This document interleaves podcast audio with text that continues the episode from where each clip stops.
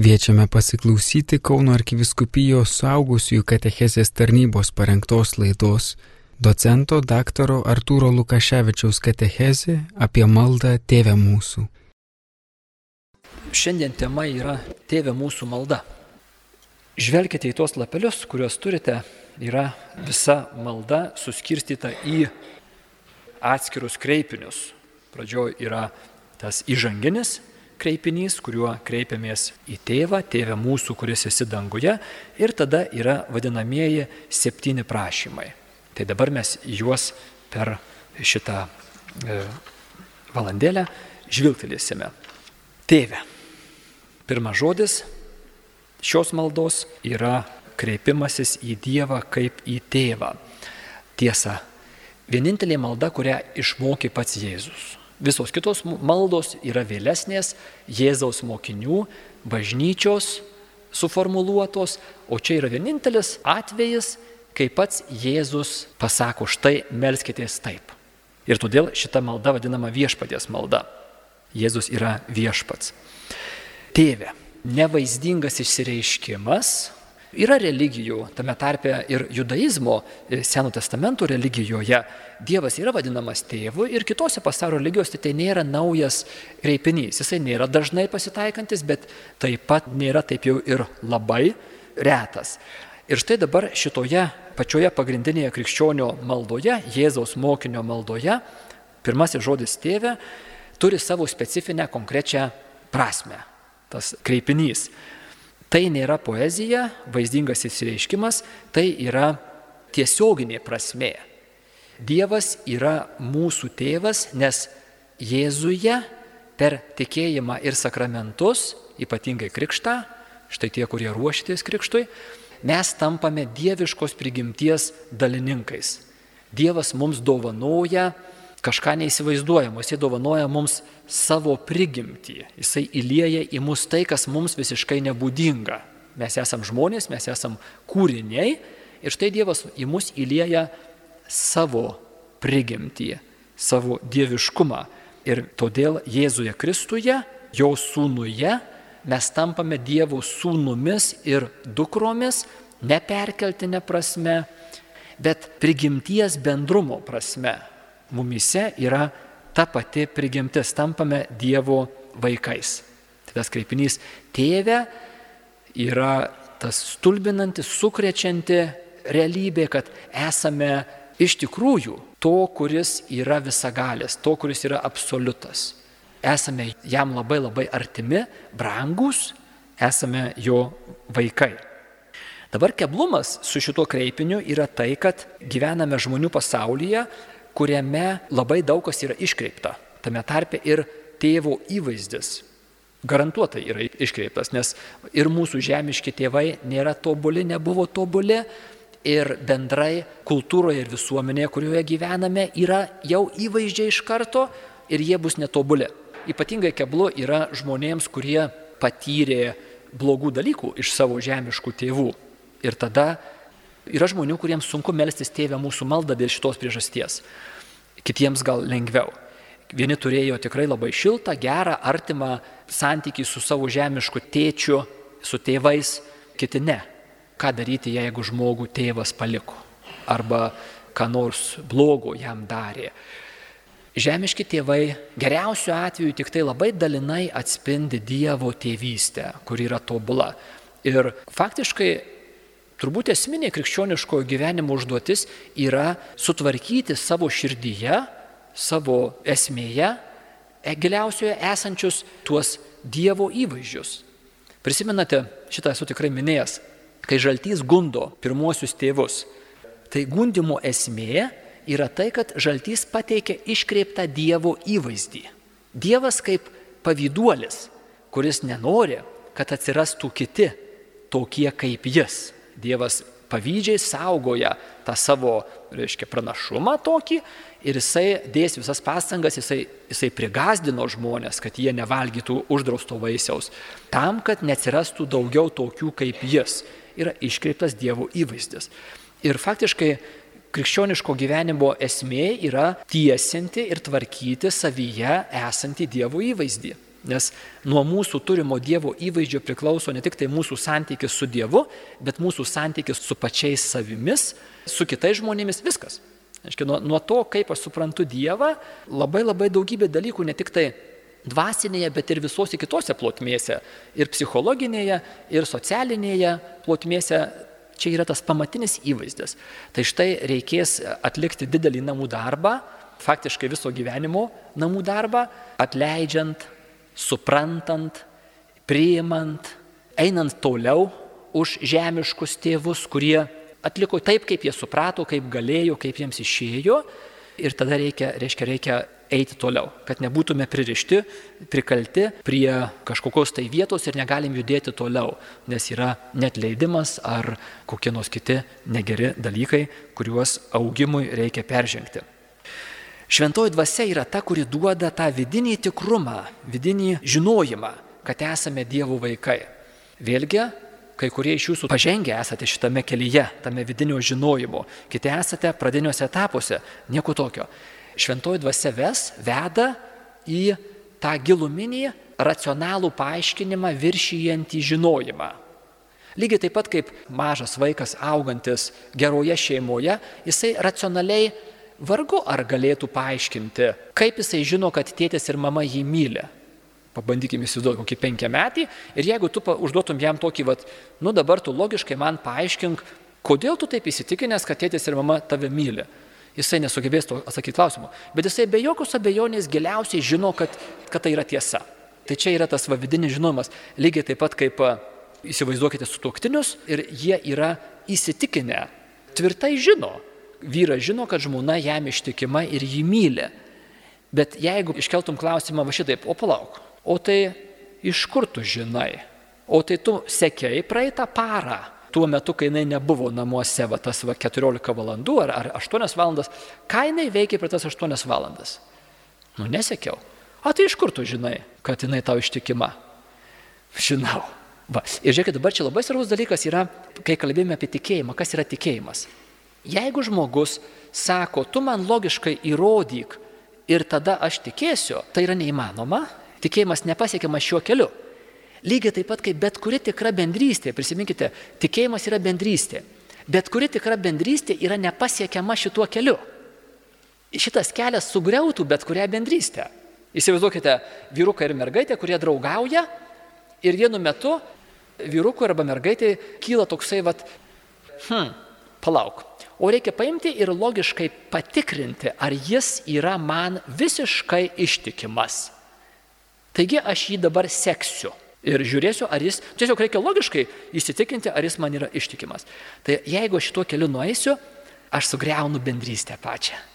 Tai turėkite minti, noras, netgi nenoras, noras yra suprantamas, bet turim susitaikyti su tuo, kad tikros bendrystės yra pasiekiamos kitų kelių. Ir tas kelias viršė racionalų žinojimą, jisai neprieštarauja racionaliam žinojimui. Protas yra reikalingas, geras, jisai atlieka labai svarbias funkcijas, judant mums link Dievo, bet protas yra ne vienintelis. Ir yra kiti dalykai, sunkiau nusakomi, intuicija, vaizduoti labai svarbi yra tikėjimo kelionėje. Ir šventoji dvasia mus daro tokius vidinius postumius, kurie padeda mums eiti į tą žinojimą, kurį turi vaikas, kad jis yra mylimas. Tai štai tas žinojimas, kad Dievas yra tėvas, yra labai svarbi mūsų krikščioniškumo dalis, kuri remiasi protu, bet jį viršyje. Tikėjimas remiasi protu, bet tam tikrų momentų jisai daro tolesnį žingsnį, kuris jau yra kitom galiomis atliekamas. Ne racijo, ne protu, bet kitomis mūsų galiomis. Žodis mūsų, tėve mūsų. Jeigu Dievas yra mūsų tėvas, mano tėvas, tavo, tavo, tavo tėvas, tai tada tuo pačiu veiksmu, kuriuo jisai padaro mus savo vaikais, įvaikina, nors kaip jau sakiau, tas įvaikinimas, mes turime žemėje įvaikinimą, tai tiesiog paima iš vaikų namų vaiką, duoda jam savo pavardę, bet jisai fiziškai vis tiek lieka kitų tėvų vaikas. Tai tas va žodis įvaikinimas truputį keblus šiuo atveju, nes Dievas mus įvaikindamas mums ne tik tai pavardę duoda, bet jisai, reiškia, mūsų pakeičia genetinį kodą jisai pakeičia mūsų esmę giliausią. Ir tokiu būdu ir aš, ir kitas įvaikintasis, turime tą patį tėvą. Taigi esame broliai ir seserys. Esame to pačio tėvo vaikais. Tai labai gili ir reali tikėjimo vienybė. Esam broliai ir seserys. Ir ta vienybė suformuoja mus dar artimiau į tautą, į Dievo tautą šioje žemėje. Taigi mes dabar turime dvigubą pilietybę. Esame Lietuvos piliečiai ir esame Dievo tautos piliečiai, dangaus piliečiai. Tos dvi pilietybės nekonkuruoja viena su kita. Būdamas Dievo tautos pilietis, aš esu įpareigojamas būti dar geresniu, o ne blogesniu savo žemiškos tėvynės piliečiu. Paskutinė frazė yra, kuris esi danguje. Šitą frazę noriu paaiškinti cituodamas katalikų bažnyčios katekizmo santrauką, tiesiog radau labai gerą paragrafėlį, kuris ir atsako į pagrindinius klausimus su tuo susijusius. Cituoju. Šiuo bibliniu pasakymu nurodoma ne vieta, o buvimo būdas. Aiškia, tėvė mūsų, kuris esi danguje. Ne vieta, o buvimo būdas. Dievas yra anapus ir aukščiau visa ko. Juo pažymima Dievo didybė, šventumas, taip pat jo buvimas teisiųjų širdyse. Širdyse, kurios yra tiesios, tiesiai atsistojusios, nusikreipusios į Dievą, o nesulinkusios į kažką tai kito, nei Dievas, kame ieško atsakymų į giliausius savo gyvenimo klausimus. Tas tiesumas arba teisumas. Dievas yra teisiųjų širdyse. Dangus arba tėvo namai yra mūsų tikroji tėvynė, į kurią viltimi krypstame dar tebe būdami žemėje. Taigi dangus yra ne vieta, bet buvimo būdas. Dievas, kuris yra visur, jisai yra danguje, anapus visko, aukščiau visko. Ir taip pat tai reiškia teises širdis. Į dangų, į vienybę su Dievu krypsta žmogaus širdis, trokšta, ilgisi ir taip stipriai ilgisi ir taip stipriai žino, giliai žino, mes visi labai labai giliai žinome, kad mes esam sukurti dangui. Tai reiškia begaliniai, didžiuliai, ekstatiniai laimiai, džiaugsmui mes esam sukurti. Ir baisiausias dalykas, jeigu žmogus netenka vilties tą pasiekti. Tada jisai iš nevilties tą troškimą bando patenkinti surogatais, bando patenkinti kažkokiais tai pakaitalais, kurie duotų bent kažką panašaus, bent laikinai. Tai būtų visi kvaišalai, tai toks jau labai akivaizdus surogatas, bet taip pat visi kiti dalykai, kame mes tikimės rasti laimę. Gali būti labai tokie visai netokie destruktyvūs. Turtas, darbas, darboholizmas yra, reiškia, bėda, yra bandymas slopinti dangaus ilgesį. Ir tas slopinimas kyla iš nevilties. Labai šiandien mums Lietuvoje, ypatingai Lietuvoje, reikia vilties. Tai puoselėkime šią darybę savyje. Jis duoda mūsų kompasui teisingą kryptį, mūsų vidiniam kompasui. Sako, šiandien yra audros, mano gyvenime vyksta audros, bet kompasas rodo į saugų uostą, į tėvynę, į kurią aš einu, tegul ir per audrą. Bet jeigu kompasas taiga kažkas tai jam pasidaro ir jisai pradeda blaškytis viską, tai tada nežinau kur eiti. Toliau einame prie septynių prašymų. Trys pirmieji yra nukreipti į Dievą, keturi likusieji yra nukreipti į mūsų poreikius. Žvelgiame, tiesie šventas tavo vardas. Mes Lietuvoje neturime kultūriškai šiek tiek, bet nepakankamai aiškiai sąsąją tarp asmens ir to asmens vardo reiškia asmuo ir to asmens vardas, jie yra labai artimai susiję. Ir žiūrėkite, kaip gerai vaikai tą žino, jie prasivardžiuoja. Nu tai kas čia tokio, taigi čia tik mano vardas. Ne, tu mane įžeidėjai pravardžiuodamas, tu ne mano vardą įžeidėjai, tu mane. Pravardžiavimas yra asmens įžeidimas. Ar asmuo ir vardas yra labai artimai susiję, Dievas yra šventas ir jo vardas yra šventas reiškia pilnas, be galo laimingas, laimės šaltinis, šventas Dievas. Ir taip pat yra svarbi, tačiau netiesioginė, ne, nesinoniminė sąsaja su žodžiu sveikas. Šventas ir sveikas irgi artimai susiję du dalykai yra. Ir tik tai Dievas tiesioginė pilnaja žodžio prasme yra šventas. Niekas kitas nėra šventas, Tik tai Dievas. Pilnai laimingas, laimės šaltinis, buvimo šaltinis, buvimo davėjas ir laimės davėjas. Tik tai Dievas yra. Visi kiti yra šventi tik tai tiek, kiek jie yra ryšyje su Dievu. Tik tai tiek, kiek jie yra arti Dievo, kiek jie prisijungia bendrystėje su Dievu, prisijungia prie Jo.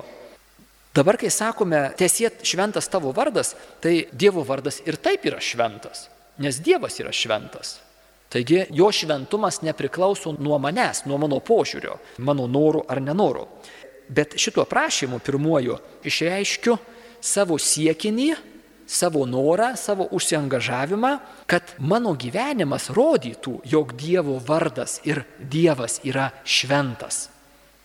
Nes aš turiu galę savo gyvenimą pakreipti kitur. Aš turiu galę pakreipti šalin nuo šios laikysenos. Taip sakant, aš galiu savo gyvenimą uždaryti nuo Dievo, nuo jo artumo ir gyventi taip, tarsi Dievas nebūtų šventas, tarsi jis nebūtų kūrėjas, nebūtų svarbiausiasis mano gyvenime. Aš turiu tą galę, man duota ta gale. Jis yra baisi. Tai yra vadinama laisva valia. Jis padaro pragarą įmanomu. Ir kalbėjom, o kodėl Dievas mums ją davė tada? Nes tai padaro taip pat ir meilę įmanoma. Kitai būtume tik tai robotai, tik tai mechanizmai. Ir štai tokiu būdu Dievas rizikuoja, duodamas mums galę patiems apsispręsti, ar įeisiu į bendrystę su juo ir tapsiu šventas, tai reiškia laimingas, sveikas, pilnas ar ne. Ir puolė žmogus, kuris patikėjo gundytojo mintimi, kad Dievas yra pavydus vergvaldys, kuris nenori man laimės. Ir aš tada bėgu nuo Dievo. Puolė žmogus bėga nuo Dievo ir nori visais įmanomais būdais nesusitikti Dievo. Nes susitikti su Dievu reikštų pripažinti jį Dievu. O tai yra baisu. Ir štai mes gyvename pasaulyje, kur žmogus bando gyventi taip, tarsi Dievas nebūtų Dievas. Taigi noriu ar sieksiu, kad mano gyvenimas rodytų kad jo vardas yra šventas. Aiškia, aš darysiu taip, kad mano gyvenimo įvairūs aspektai formuotųsi pagal Dievo norą, būtų kontakte su Dievu ir jie atspindėtų Dievo šventumą. Bet geroji naujiena ir džiaugsmas yra, tai ir yra mano laimė. Atsidavimas Dievui reiškia man ne savęs praradimą, bet savęs atradimą. Toliau, sieksiu, užsiengažuoju kad mano aplinkoje ir žmonių tarpe, kurie yra mano aplinkoje, Dievas būtų laikomas šventu. Aiškia, aš ne tik tai savo gyvenime, bet ir savo aplinkoje, kitų tarpe darysiu, kas nuo manęs priklauso, kad Dievo šventumas atsispindėtų juose, kad gydytų juos, tiesintų juos. Tai čia tas pirmasis prašymas - tiesie šventas tavo vardas. Sekantis prašymas - teteinie tavo karalystė. Dvi prasmės. Yra daugiau, bet dvi kreipiu jūsų dėmesį, svarbiausios. Pirmiausia, tai yra pasaulio pabaigoje, laikų pabaigoje, kai Dievas bus viskas visame. Jisai, jisai bus, jo karalystė bus visa apimanti. Šiandien dienai e, laisvą valią turintys kūriniai, žmonės ir dalis angelų, jiems duota laisva valia, yra maište prieš Dievą ir atsisako, ne, bus mano karalystė. Tebūnė ta mano karalystė bus labai maža, bet čia bus mano karalystė.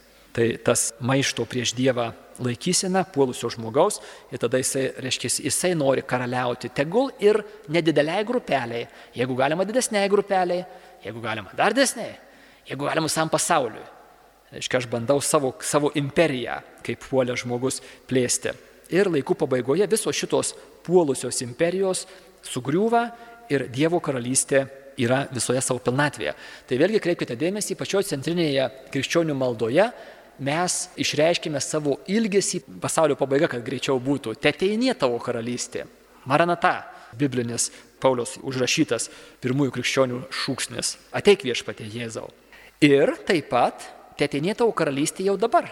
Ta karalystė, kuri auga, kurią aš noriu auginti savo širdyje, savo protę, savo gyvenime, taip pat per savo veiklą, savo aplinkoje taikos, susitaikymo, ramybės, džiaugsmo karalystė te auga šioje žemėje.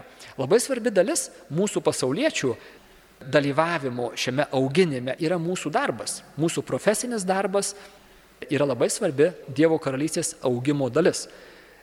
Mumsgi duota užduotis įdirbti žemę. Pačioj Biblijos pradžioje, pirmojoje knygoje, kuri taip ir vadinasi pradžios knyga, Dievas duoda užduotį dar nepuolusiam Adomui įdirbti žemę.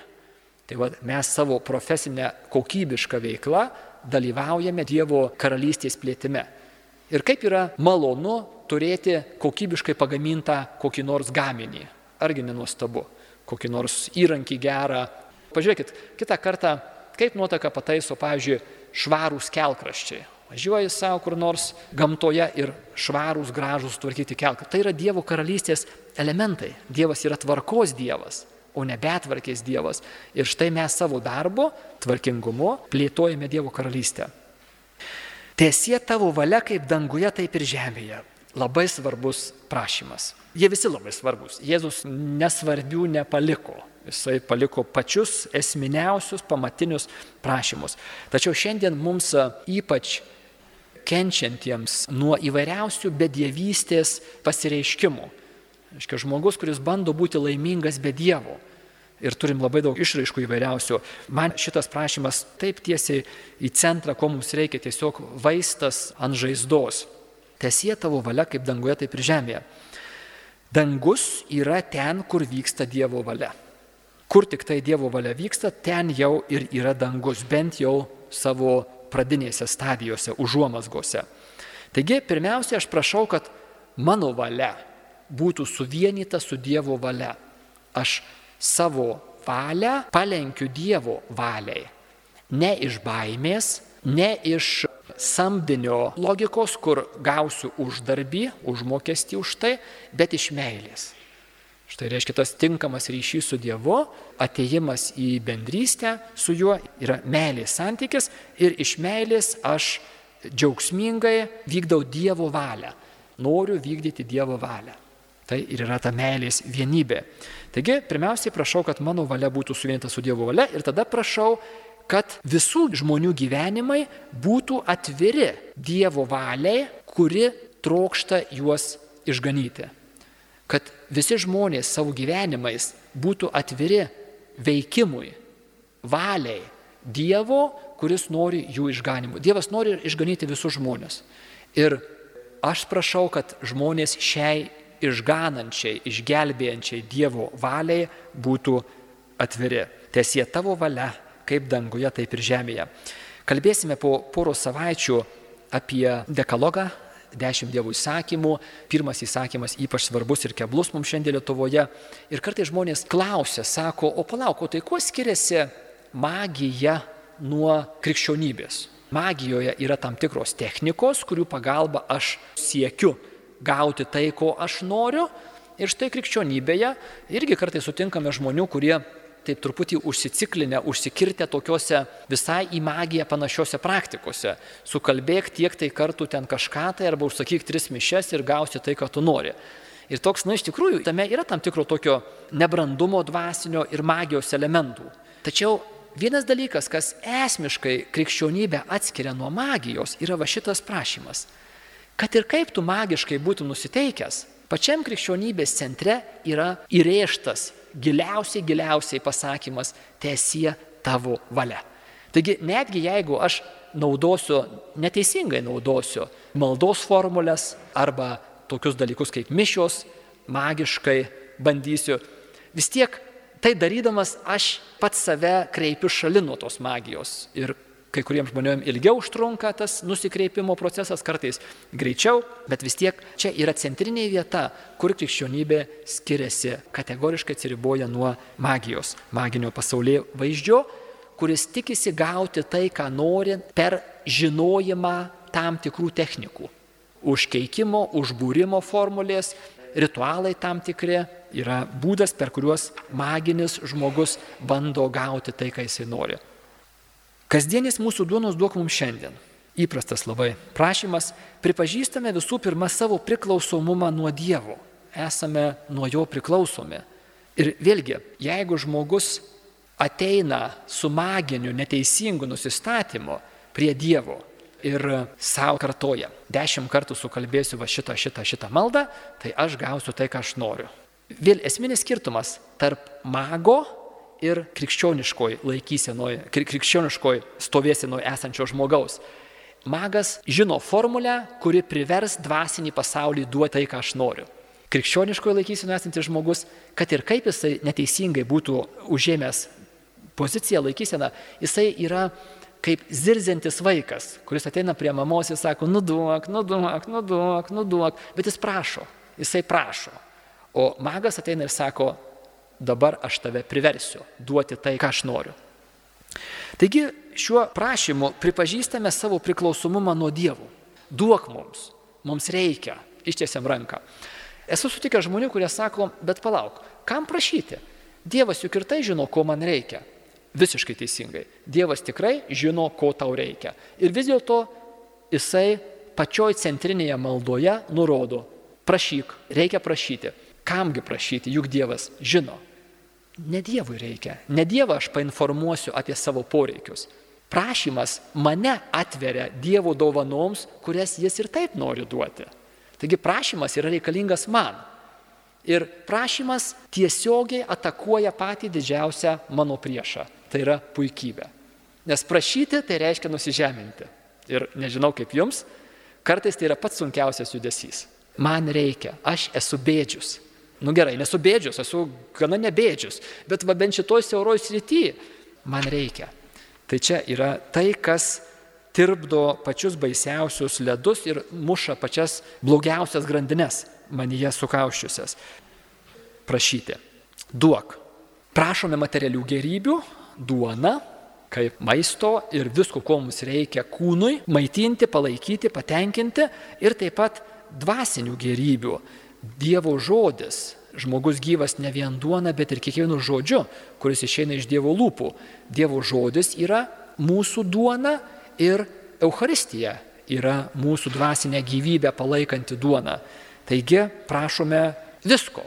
Kasdienis mūsų duonos duok mums to, ko mums reikia visose plotmėse - ir materialioje, ir dvasinėje. Atleisk mums mūsų kaltes, kaip ir mes atleidžiame savo kaltininkams. Pirmas prašymas su sąlyga. Prašau, duok taip, kaip aš tą duodu. Vėlgi, žiūrėkite, kilintą kartą kalbu apie poreikį giliai perleisti per save esminius krikščionybės dalykus. Tikėjimo išpažinimą, tėvę mūsų maldą dabar, tikėjimo tiesas, vėliau eisime mišių eigą, nes tada, kai jūs jau sakote, tai turi būti jau jumise gerokai permastyta ir įsisavinta, tapę savastimi. Nežinau kaip jūs, aš gana vėlai susigaudžiau, kad šitoj vietoj aš pasakau, nu, gana grėsmingą dalyką savo pačiam. Sakau, Dieve, atleisk man taip, kaip ir aš atleidžiu. Ir tada staiga susivokiu, kad, oho, O tai palauk, jeigu net leidžiu, tai tada aš pats savo prašau pasmerkimo. Baisus dalykas yra. Nežinau kaip jums. Tai ką ta vieta turėtų mums dabar daryti? Jis turėtų mus skatinti ištirti, koks yra mano santykis su artimu. Nes garantuotai, gyvenant su artimu, visuose santykiuose, ar tai šeima, ar bet koks kolektyvas, yra du arba daugiau nusidėlių. Jeigu yra du nusidėliai, jie garantuotai vienas kitą žais. Taigi bus poreikis atleisti. Taigi šiuo prašymu mes pripažįstame keletą esminių dalykų. Pripažįstame esą nusidėję Dievui, esame nusidėjėliai, kalti, atleisk mums. Taip pat išreiškime tikėjimą jo gailestingumu. Jisai tikime, kad nori atleisti, yra pasiruošęs, pasiryžęs atleisti. Ir tada štai ta sąlyga, kaip ir mes atleidžiame savo kaltininkams. Šita sąlyga ragina mane atidžiai daryti savo vidinę inventorizaciją ir tada dėti pastangas, kad šitoj srity būtų mano santykiai sutvarkyti, kad aš atleiščiau. Ten, kur man sunku atleisti, prašyti Dievo pagalbos. Kartais tos pagalbos reikės labai daug, kartais tos pagalbos reikės prašyti daug kartų ir daug metų gali būti. Nieko tokio. Svarbu yra mano nusiteikimas, rimtas, kuris nusiteikimas turi įsireikšti darbais, Nes jeigu aš tik tai turiu nusiteikimą, kuris niekad neįsireiškia darbais, na, nu, aš turiu tokį nusiteikimą, kaip sakiau, jau daryti rytais mankštą. Toks vat puikus nusiteikimas, argi ne? E, bet jisai kažkaip iki darbų, nu kaip nenueina, taip nenueina. Tai kažkas netvarkosiu tuo nusiteikimu mano. Taigi, tas mano nusiteikimas, tikėjimas turi išsireikšti darbais. Tada jisai yra tikras gyvas. Nusiteikimas atleisti artimui, kaltininkui, artimas visada bus kaltininkas, visada nepadarė kažko tai, arba aš įsivaizduoju, kad nepadarė, tikros ar tariamos kaltės, atleisti reikia visas. Ir tai yra programa dažnai viso gyvenimo. Netgi nedažnai, visada viso gyvenimo, nes visą laiką atsiras kažkas tai, kas įskaudino, ar mano lūkesčių nepateisino ir taip toliau. Taigi vėl mums projektas, gairė mūsų dvasiniam gyvenimui, kaip man sekasi mano santykė su artimu, prašyti Dievo pagalbos. Neleisk mūsų gundyti, esame įpratę lietuviškai sakyti, girdėjote, jeigu atidžiai klausytės, e, mato Evangelijoje, nevesk mūsų į pagundą. Kaip čia dabar yra su tuo mūsų lietuvišku vertimu? Vėlgi, aš pasinaudoju katekizmu, kad autoritetingai jums paaiškinčiau šitą vietą, tėvė mūsų maldos. Štai kaip jie sako. Mes prašome mūsų tėvą neleisti mūsų gundyti.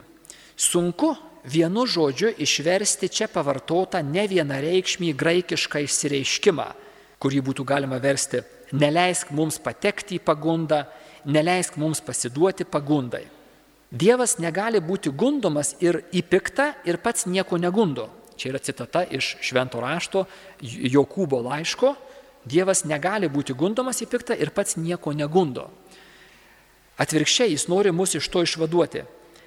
Mes jį prašome neleisti mums nueiti į nuodėmę vedančių keliu.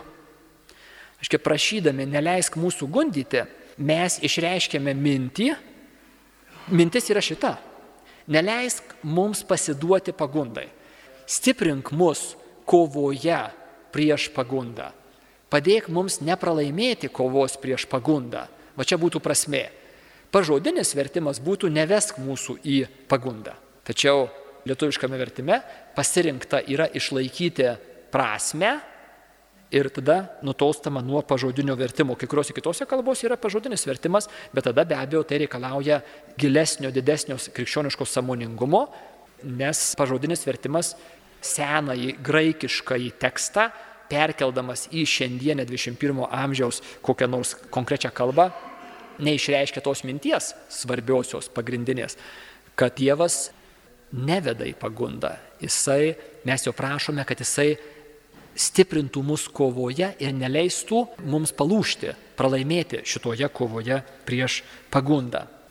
Prašome pagalbos nepasitraukti nuo Dievo gundimo metu. Na, jisai yra stiprinantis mane, jisai yra šalia ir Dievas yra visada su manim, bet aš ne visada su juo.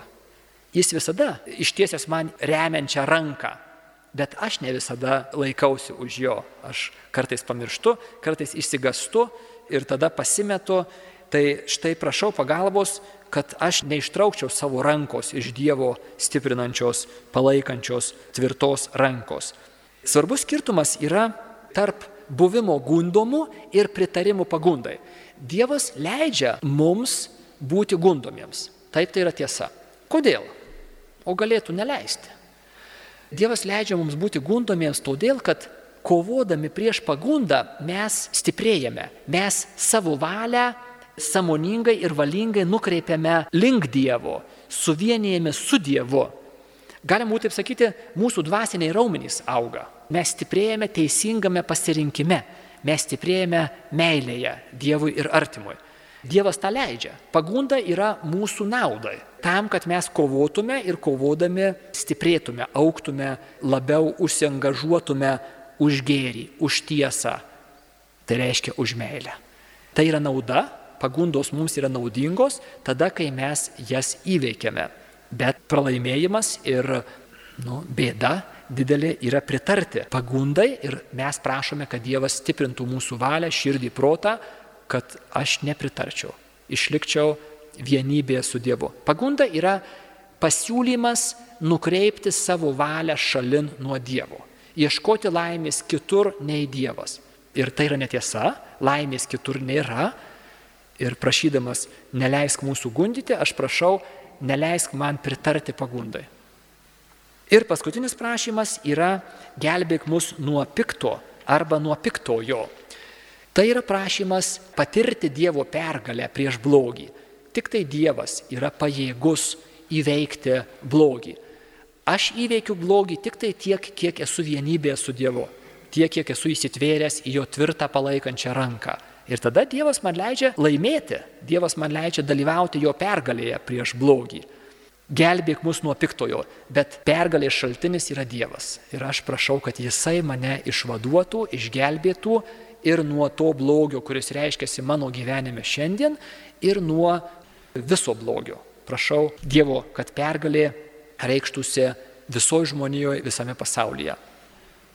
Dabar ta galutinė gale esanti vadinamoji baigiamoji doksologija Nes tavo valdžia ir galybė ir garbė per amžius, tie, kurie dalyvaujate šventose mišiuose, esate pastebėję, kad mes ją tėvę mūsų maldoje dar po tam tikro interpo sakome šitą baigiamąją doksologiją.